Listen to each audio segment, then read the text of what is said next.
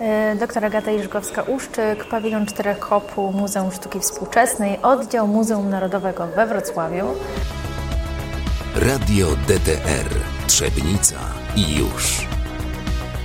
Jesteśmy na wystawie Szaleństwo Rokoka, fascynacja rokokiem na Śląsku XVIII-XXI wiek, czyli wystawie czasowej, która została zorganizowana w muzeum z okazji 75-lecia istnienia Muzeum Narodowego we Wrocławiu.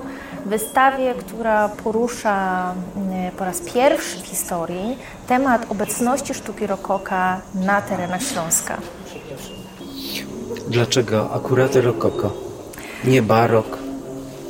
To jest pan dyrektor, Piotr, Piotr profesor, pan dyrektor Muzeum Narodowego we Wrocławiu, profesor Piotr Oszczanowski, który jest koordynatorem tej wystawy podjął się takiego zadania, takiego procesu myślowego, żeby organizować w miarę konsekwentnie wystawy właśnie dotyczące poszczególnych epok. I barok już tutaj gościliśmy w pawilonie Czterech Kopuł przy okazji wystawy Wilman Opus Magnum. Więc tak. skoro barok już był, to czas właśnie na rokoko. Rokoko jest mało docenione chyba przez naszych odbiorców i mało znane. E, tak, to jest zdecydowanie tendencja, którą obserwujemy w trakcie oprowadzania. Znamy sformułowanie rokoko, ale co to jest, to mało kto jest w stanie opisać. Tak, tak, zdecydowanie. E, jest to epoka, którą też jak widzimy teraz po młodzieży, która przychodzi, pomijana w procesie edukacji. Bardzo. Właśnie więc jest barok, Ktoś tam później pamięta o romantyzmie, tak. a rokoko gdzieś tak ginie tak. bardzo szybko. Tak, zdecydowanie. Więc jest to wystawa, która też odkrywa rokoko, pokazuje e, w kontekście historycznym, społecznym. Bardziej gdzieś młodzież odnajduje się, w, kiedy pada hasło rewolucja francuska. Tak. I kiedy opowiadamy właśnie o tym, w jaki sposób, co się działo we Francji w, przed właśnie rewolucją francuską i opowiadamy też w kontekście właśnie rozwoju rokoka, no to zapala się lampka w głowie i jest jakieś powiązanie. Ale to też y, jakby dla młodych y, powinno być zilustrowane, że rokoko, z rokoko dużo oni czerpią. I inne epoki bardzo dużo czerpały z tego y, okresu. Tak, i o tym też jest wystawa.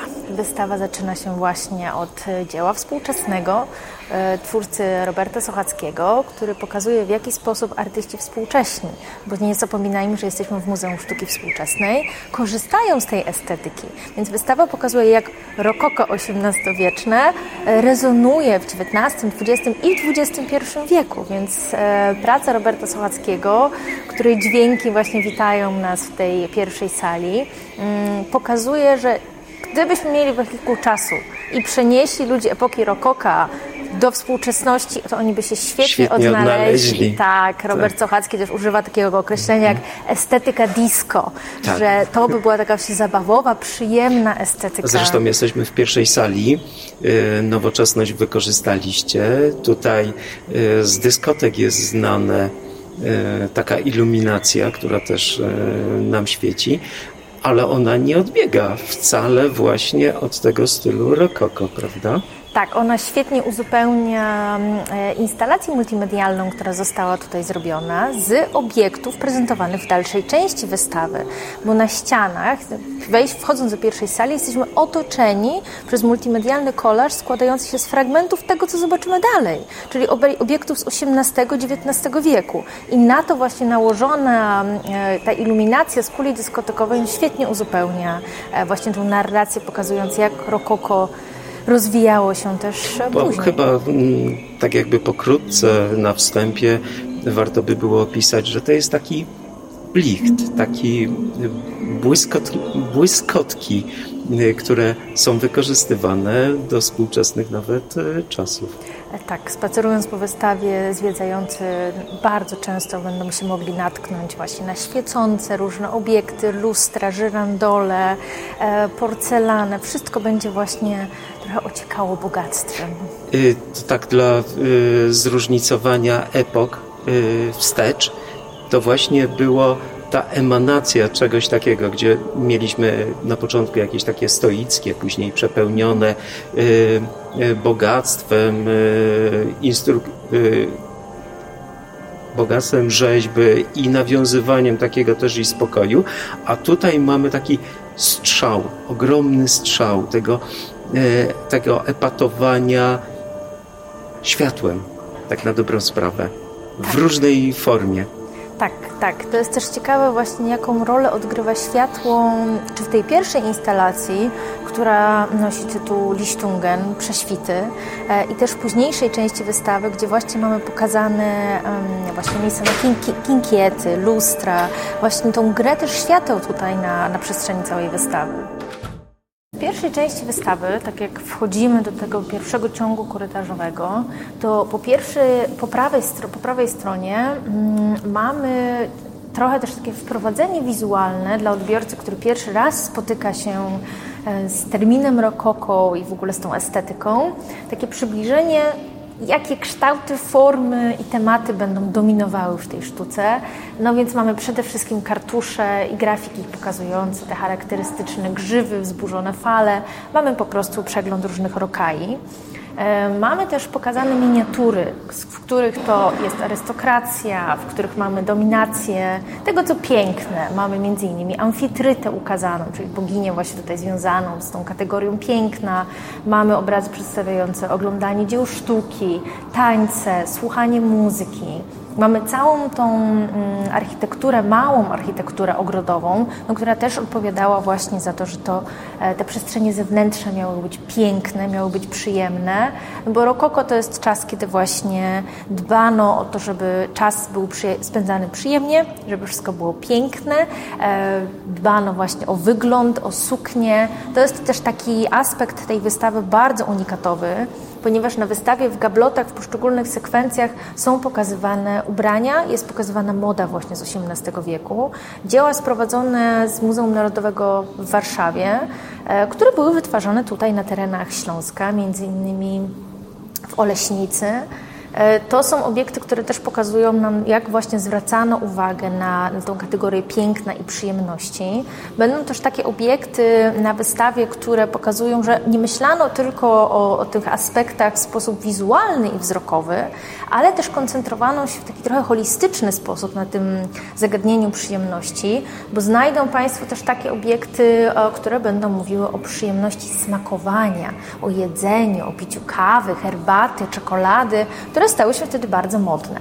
I, takim... no, i też e, należy wspomnieć chyba o tym, że to był takie apogeum e, wielkiego jedzenia E, tak, o wielkim jedzeniu, o ucztowaniu opowiadają właśnie zgromadzone tutaj obiekty, między innymi przepiękna teryna, czyli naczynie, w którym właśnie podawano terynę, jeden z tamtejszych nowum, jeżeli chodzi o jedzenie.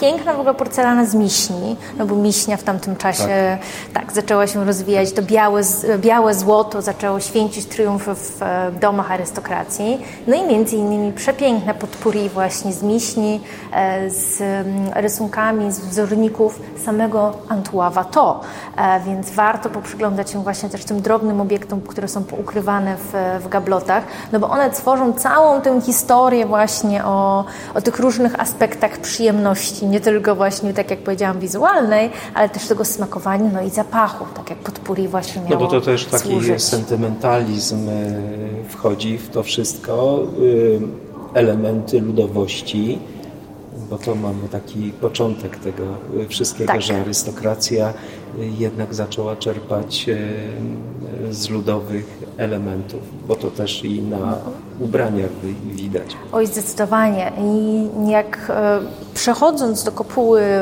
zachodniej, czyli tej centralnej części naszej wystawy, w której jest zgromadzona największa ilość obiektów, to tamta przestrzeń jest podzielona właśnie na takie sekwencje tematyczne, opowiadające o najważniejszych aspektach. Hmm, jeżeli chodzi o to życie codzienne. I właśnie sielanka, to spędzanie czasu w parkach, w ogrodach, spacery, zaloty jest, jedną z, jest jednym z obszarów on się znajduje po prawej stronie od wejścia. Kolejnym takim tematem a jest... tutaj a propos zalotów, to wtedy był bardzo ładny rozkwit y, takiej literatury i wierszy erotycznych. A tak, tak. Niestety tego aspektu tutaj na wystawie nie ma. Nie, nie pokazujemy. Ma, Koncentrujemy się bardziej właśnie na tych e, sielankowych przedstawieniach wizualnych na obrazach. No ale takie właśnie zaloty też tutaj możemy na, na tych dziełach odnaleźć. Mm, co jest ciekawe, warto być czujnym w trakcie zwiedzania i obcowania z tą XVIII-wieczną sztuką na obecnej sztuki współczesnej, ponieważ w każdym z tych zakątków, w każdym z tych obszarów znajdzie się fragment, obiekt właśnie zrobiony przez artystę no, żyjącego, współczesnego. I między innymi właśnie w Sielance znajduje się praca e, Iwony Ryb, niemieckiej artystki i jej obiekty będą e, towarzyszyły nam przez całe zwiedzanie wystawy. Po lewej stronie mają Państwo kontekst związany z łowami i z polityką, czyli całym tym e, aspektem spędzania czasu na polowaniu, e, całym tym rytuałem właśnie związanym z udawaniem się na polowanie, ale tutaj też może Państwa zaskoczyć w trakcie zwiedzania dźwięk, który się wydobywa, ponieważ cała ta część, w której mamy broń, mamy portrety myśliwskie, jest uzupełniona pracą Katarzyny Kozyry, e, córka Lineusza. Lineusza. Tak, w której to Katarzyna Kozyra gromadzi osoby, aby stworzyły chór składający się z dźwięków zwierzęcych, czyli ludzie wydają różne dźwięki zwierzęce, a, a w tle słyszymy hymn Unii Europejskiej. E, praca zawsze przyciąga odbiorców, że właśnie oglądają cały ten performance, który w ogrodach Karola Lineusza w Uppsali miał, e, miał miejsce. Dziwna jest jakby ta sztuka, prawda? Rozmawiamy o okresie, w którym były, była Europa bardzo niespokojna. Tak. Dużo konfliktów. Um, Przedstawia Pani tutaj rokoko jako takie, taką sielankę, jako takie, taka ucieczka w eleganckość, w przyrodę, w spokój, w bogactwo. No bo tutaj mamy też rewolucję francuską. Wiele, wiele zamieszania było w Europie w tymże czasie. Tak, oczywiście, nie, nie pomijamy tego aspektu. Ten aspekt też jest poruszony, jak spacerujemy po wystawie. No to najpierw właśnie przechodzimy te wszystkie aspekty związane z modą, z życiem codziennym, z obyczajami, ale w tym kolejnym ciągu korytarzowym mamy oczywiście bardzo ważny kontekst śląskich wojen, e, które rozpoczęły się w 1741 roku, czyli konflikt Marii Teresy e, i Fryderyka II, który tutaj zadecydował o późniejszych losach mm, na, na terenach właśnie Śląska. I w tym pierwszej sekwencji drugiego ciągu korytarzowego mamy właśnie portrety wspomnianych przeze mnie e, władców. Przedstawiają się właśnie Maria Teresa i Fryderyk II i bardzo niezwykłą kolekcję, naszą własną tutaj z Muzeum Narodowego e, we Wrocławiu pokazujemy, medali, które były wybijane e, właśnie w różnych, po różnych konfrontacjach zwycięskich czy zwycięskich bitwach Marii Teresy czy Fryderyka II. I na tych medalach jesteśmy w stanie właśnie prześledzić, w jaki sposób wtedy wizualnie budowano ten obraz, obraz e, triumfu. Więc oczywiście ten kontekst e, niespodziu w XVIII wieku też tutaj został, za, został przedstawiony na wystawie. E, oczywiście też mamy mm, takie konteksty mniej oczywiste, które mogą być zaskoczeniem dla odbiorców, kiedy przyjdą na, na wystawę. Mamy między innymi kontekst dziecięcej maskarady i całą opowieść o tym, w jak, jaki sposób odkryto w XVIII wieku. Dzieci. Tak, dokładnie. Dzieciństwo. Zauważyli w ogóle artyści, w ogóle rodziny zauważyły, że są dzieci i tak. mogą być elementem takim chwalenia się. Tak. Poprzednie wieki w ogóle dzieci nie zauważały. Tak, Nawet koszmary były strasznie malowane.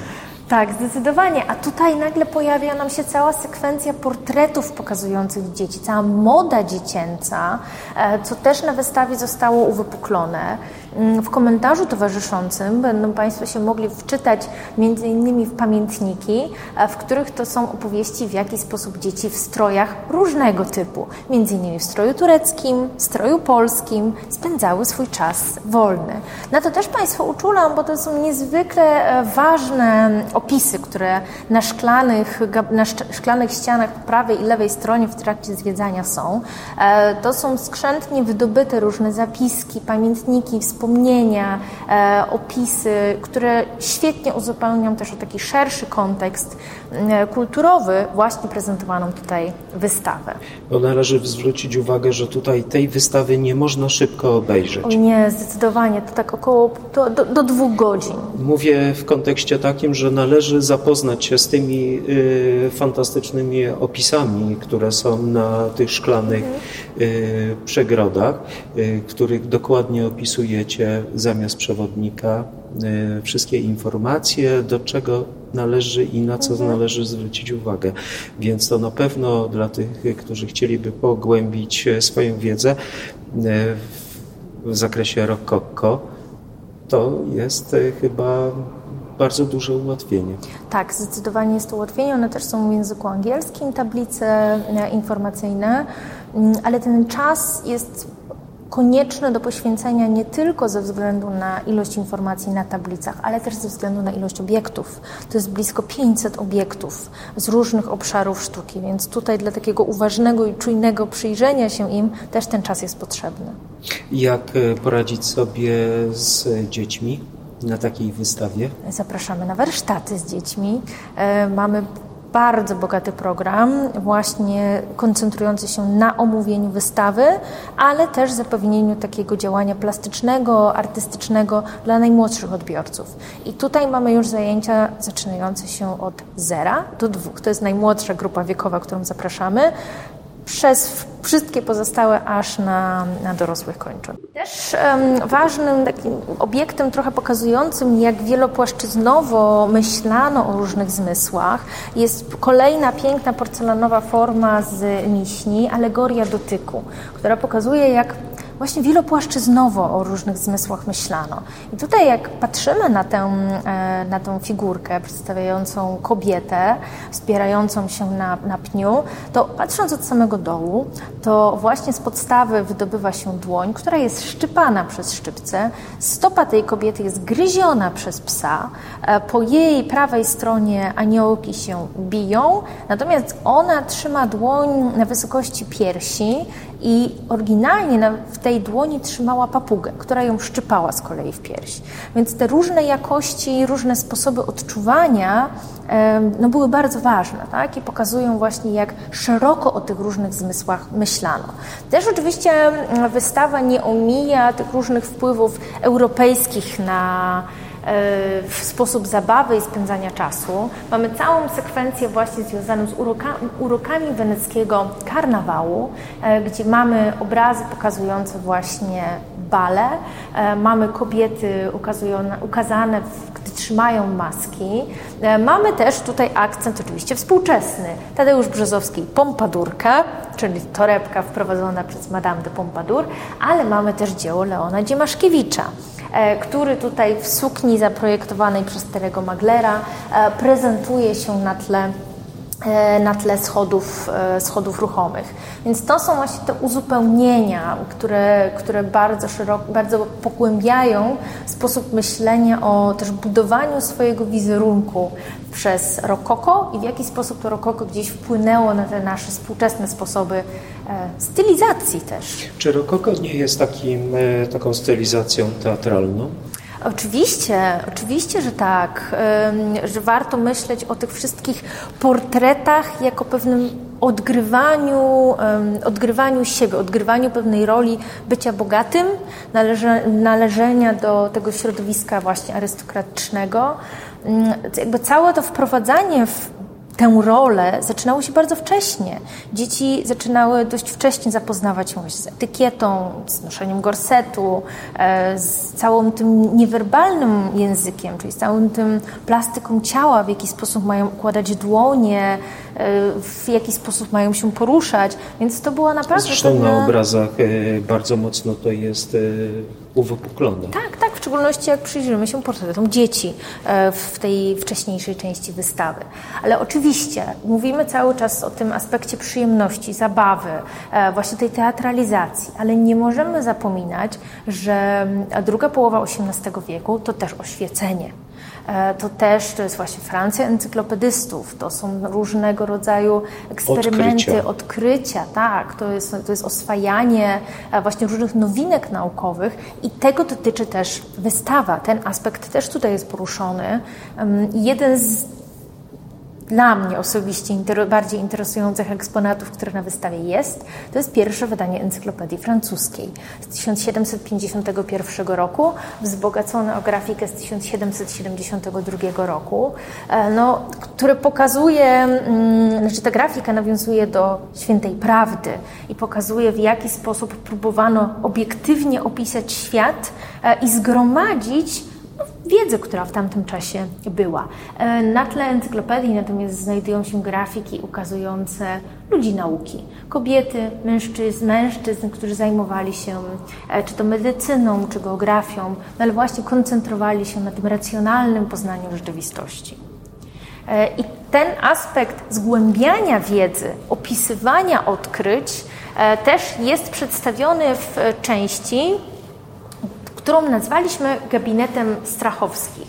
Strachowcy to była rodzina, która przybyła tutaj na teren Śląska i miała manufakturę zajmującą się właśnie tworzeniem e, grafik i drukiem. Więc w tej części znajdziemy bardzo dużą ilość e, ksiąg, rycin, e, które będą pokazywały tą niesamowitą pracę właśnie Strachowskich. Mm, ale też właśnie te księgi, które są tutaj zgromadzone, pokazują ten aspekt edukacji, kształcenia. I tak na przykład mamy prawidłową książkę, w której mamy e, grafikę ukazującą prawidłowy sposób trzymania pióra w dłoni podczas pisania. E, czy mamy mm, książkę pokazującą właśnie o kaligrafii śląskiej, czy o elektryczności, czy o odkryciach. Czyli cały taki zbiór ukazujący, że no, ta druga połowa XVIII wieku to nie jest tylko przyjemność, to nie jest tylko zabawa, ale to jest też właśnie ten aspekt zgłębiania wiedzy. No to też e, taki przełom e, był e, czytania Biblii. Dla wielu ludzi niższych stanów. Mhm. Stąd też wzięły się różne określenia tychże ludzi, mhm. którzy już nie byli skazani tylko i wyłącznie na Kościół, na przekazywanie, ale już właśnie sami potrafili czytać, co niektórzy. No to na tym tle też powstało wiele konfliktów. No i to też akurat jest w tym okresie. Tak, no to jest niesamowicie interesujący um, na wielu płaszczyznach okres, jeżeli chodzi o, o Jak konflikty. bardzo mocno się społeczeństwo zmieniało mhm. w bardzo krótkim e, czasie. Tak, tak. E, teraz mówimy o tym, że e, świat pędzi. Mamy taką dynamikę różnych rzeczy. W tamtych czasach też. E, tak, jeżeli o tym pomyśleć, o tych wszystkich przemianach, to w bardzo krótkim okresie doszło do naprawdę dużej ilości e, przeformułowań rzeczywistości. No i radzono sobie z tym nową, nowymi jakościami na bardzo różne sposoby. Między innymi właśnie elektryczność, tak? W tamtym momencie zaczęła być oswajana i pewne próby były podejmowane, żeby elektryczność nie była kojarzona z czymś negatywnym, to e, są zapiski mówiące o tym, że Ludwik XV między innymi w taki zabawowy właśnie sposób próbował oswoić elektryczność e, i podłączał do prądu swoich gwardzistów. E, którzy następnie, gdy zamknęli obiekt, to skakali, krzyczeli wszyscy w tym samym czasie, co było ku wielkiej uciesze e, Ludwika XV. No więc to też jest pokazane, jak te światy, te porządki się ze sobą spotykały. W religii też bardzo e, się świat zmienił. Chyba dołożono dużą dynamikę z tej statyczności, z tej powagi. Mhm. W rokoko dodało ruch E, tak, chociaż jak patrzymy na śląskie rokoko chociażby w kontekście tego, co było prezentowane w pawilonie Czterech Kopuł, e, czyli malarstwo Michaela Wilmana, mm, no to u tamtegoż twórcy też ten, ten, ta pewna ten dynamika była, e, ale świetnie właśnie jest obserwować, jak rokoko na Śląsku wprowadziło pewne te nowe jakości w malarstwie, jak zagościł chociażby kolor różowy, jak zagościła mm, taka delikatność w przedstawieniach, mm, jak zagościły też tematy, które były istotne dla, dla samych ludzi okresu rokoka. Mam tutaj na myśli chociażby aspekt podróży e, i takiego zapewnienia sobie gdzieś bezpieczeństwa w okresie podróży. Myślę teraz o obrazie świętego Franciszka, który pokazujemy w przedostatniej sali na, na wystawie. Oczywiście... Mm, w XVIII wieku y, też przecież cała turystyka ruszyła. Mhm na Dolnym Śląsku powstało mnóstwo pałacy, ośrodków takich wypoczynkowych, które do tej pory y, jakby mają swój ślad właśnie z tego okresu. Tak, tak. I ten temat też jest poruszany w wcześniejszej części wystawy. E, są pokazywane między innymi mm, grafiki neorokokowe właśnie z wystrojem tych letnich rezydencji, tych sanatoryjnych przestrzeni. Więc gdzieś ten aspekt też delikatnie tutaj na wystawie pobrzmiewa.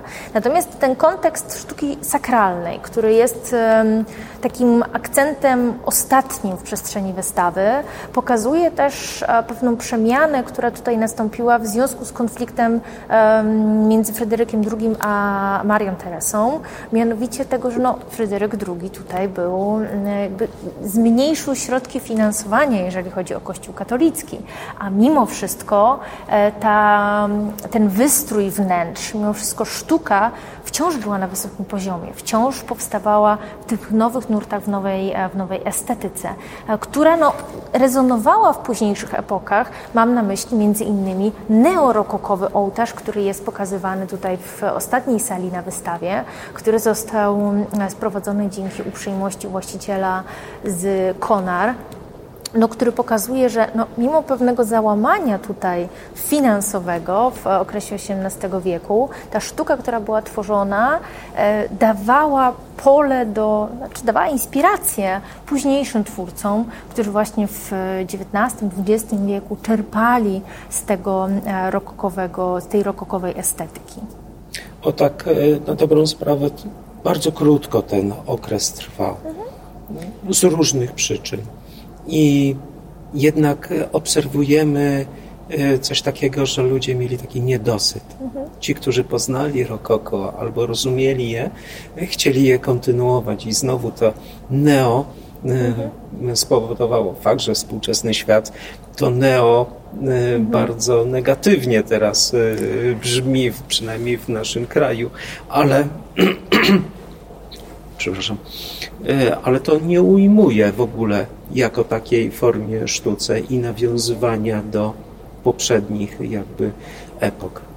Zdecydowanie nie. Nawet oglądanie tych współczesnych obiektów doszukiwanie się pewnych um, form właśnie z, z okresu rokoka jest ogromną przyjemnością intelektualną, pozwalającą nam właśnie e, zgłębiać pewne nowe jakości i odczytania. I mam tutaj w szczególności na myśli pracę, która zamyka wystawę, bo tak jak wspominałam, wystawa jest otwierana przez dzieło współczesne Roberta Sochackiego, ale też wystawa jest zamykana dziełem współczesnym, zrealizowanym tu na potrzeby właśnie wystawy. I to jest praca Olafa Brzeskiego, Tylko dla Twoich oczu, w której właśnie artysta skorzystał z pewnych tropów i inspiracji e, właśnie tego XVIII-wiecznego rokoko i przeformułował je na obiekt współczesny. Między innymi w tej pracy która jest ogromnym stogiem, e, znajdziemy rokaj, czyli ten kształt, który nas powitał, gdy wchodziliśmy na wystawę.